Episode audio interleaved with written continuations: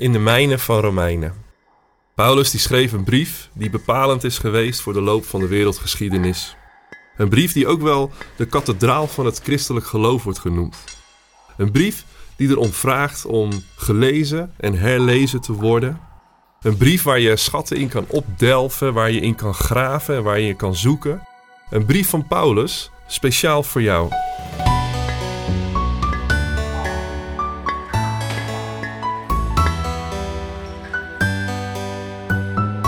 Gaan in deze podcast mijnen in Romeinen.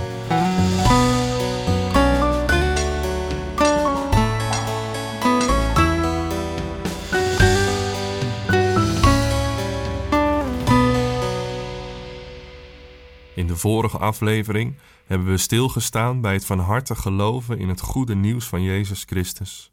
Hoe het aanroepen van de naam van de Heer redding betekent.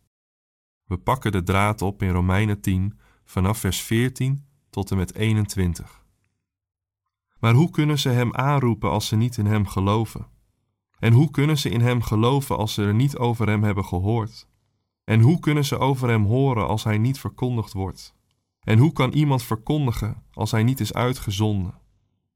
Het is zoals geschreven staat: Welkom zijn zij die het goede nieuws verkondigen.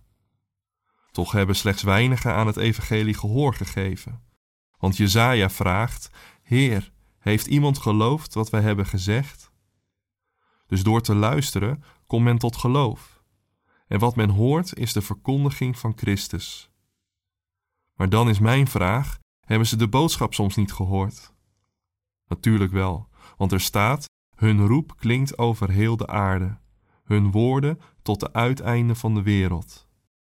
Maar dan vraag ik weer: Heeft Israël de boodschap niet begrepen? Wel nu, Mozes zegt al: Ik zal jullie afgunstig maken op een volk dat geen volk is. Ik daag jullie uit met een volk zonder verstand. En bij Jezaja staat zelfs: ik heb me laten vinden door wie mij niet zochten. Ik heb me bekend gemaakt aan wie niet naar mij hebben gevraagd. Maar bij Jezaja staat over Israël: Heel de dag heb ik mijn handen uitgestrekt naar mijn ongehoorzaam en opstandig volk.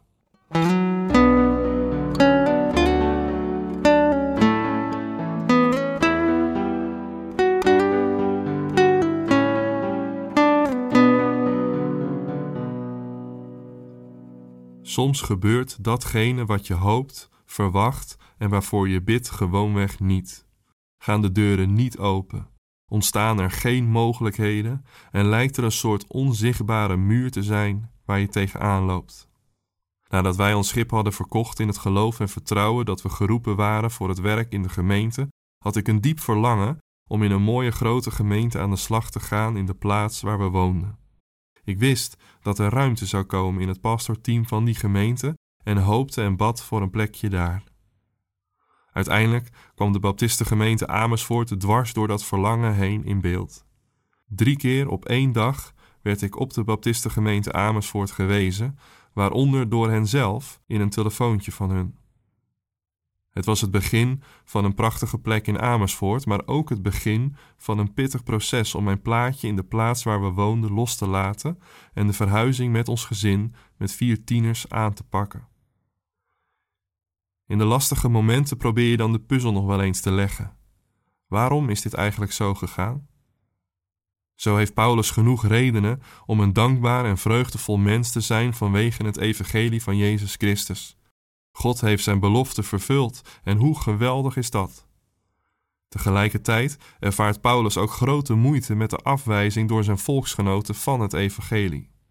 Hij lijkt in de versen van deze aflevering de puzzel te willen leggen van redenen waarom zoveel van zijn volksgenoten niet willen delen in dit evangelie.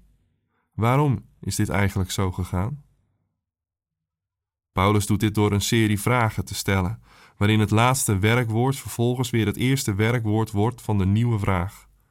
De vragenserie gaat van geloven naar horen, van horen naar verkondigen, van verkondigen naar uitzenden en van uitzenden mondt de vragenserie uit in een citaat uit Jesaja 52 vers 7. Hoe welkom is de vreugdebode die het goede nieuws verkondigt. Het goede nieuws van het herstel van het verbond van God in de Messias, waarbinnen zowel Joden als gelovigen uit de heidenen geroepen zijn in een vernieuwde gemeenschap. Toch heeft niet iedereen gehoor gegeven aan dit goede nieuws. Slechts weinigen, zegt Paulus. Paulus past de vele citaten die in ons gedeelte staan vanuit het Oude Testament toe op Christus. Vervolgens wijst hij op het belang van degenen die gezonden zijn om het goede nieuws te brengen. En hij benadrukt het belang van het gesproken woord als instrument dat geloof veroorzaakt. Het verklaart zowel zijn eigen leven als apostel van Jezus Christus, maar het roept ook op. De mensen om ons heen moeten het goede nieuws van Jezus Christus horen. Er is en blijft een onverminderd belang om het evangelie te delen, om te laten zien vanuit de hele Bijbel hoe God vanaf het begin van plan was de schepping te vernieuwen. Een vernieuwingsplan dat met de komst van Christus tot een hoogtepunt was gekomen. Tegelijkertijd lezen we iets van de pijn bij Paulus, dat nu juist zijn eigen volk de boodschap niet lijkt te hebben begrepen. De bekering van de gelovigen van de heidenen en hun deel in het verbond van God door hun geloof in de Messias ziet Paulus dan ook niet als een eindpunt. Hij ziet het als een vervulling van de woorden uit het Oude Testament dat God een volk zou roepen die niet zijn volk waren. Een volk buiten het verbond dat God gesloten had met Israël zou mee opgenomen worden in het verbond door hun geloof in Christus. Maar niet als doel op zichzelf, maar als een uitgestrekte hand naar Israël. Waarom dingen gaan zoals ze gaan, is achteraf vaak moeilijk te achterhalen. We kunnen soms in de moeite van alle dag de puzzel willen leggen. Als Paulus stukjes tekst in elkaar passen. Maar het gaat in die moeite niet zozeer om de achteruitkijkspiegel. Het gaat om de uitgestrekte hand van God, om de wetenschap dat Gods hand niet loslaat wat Hij is begonnen. Het evangelie van Jezus Christus is in zichzelf het grootste bewijs dat God vasthoudt.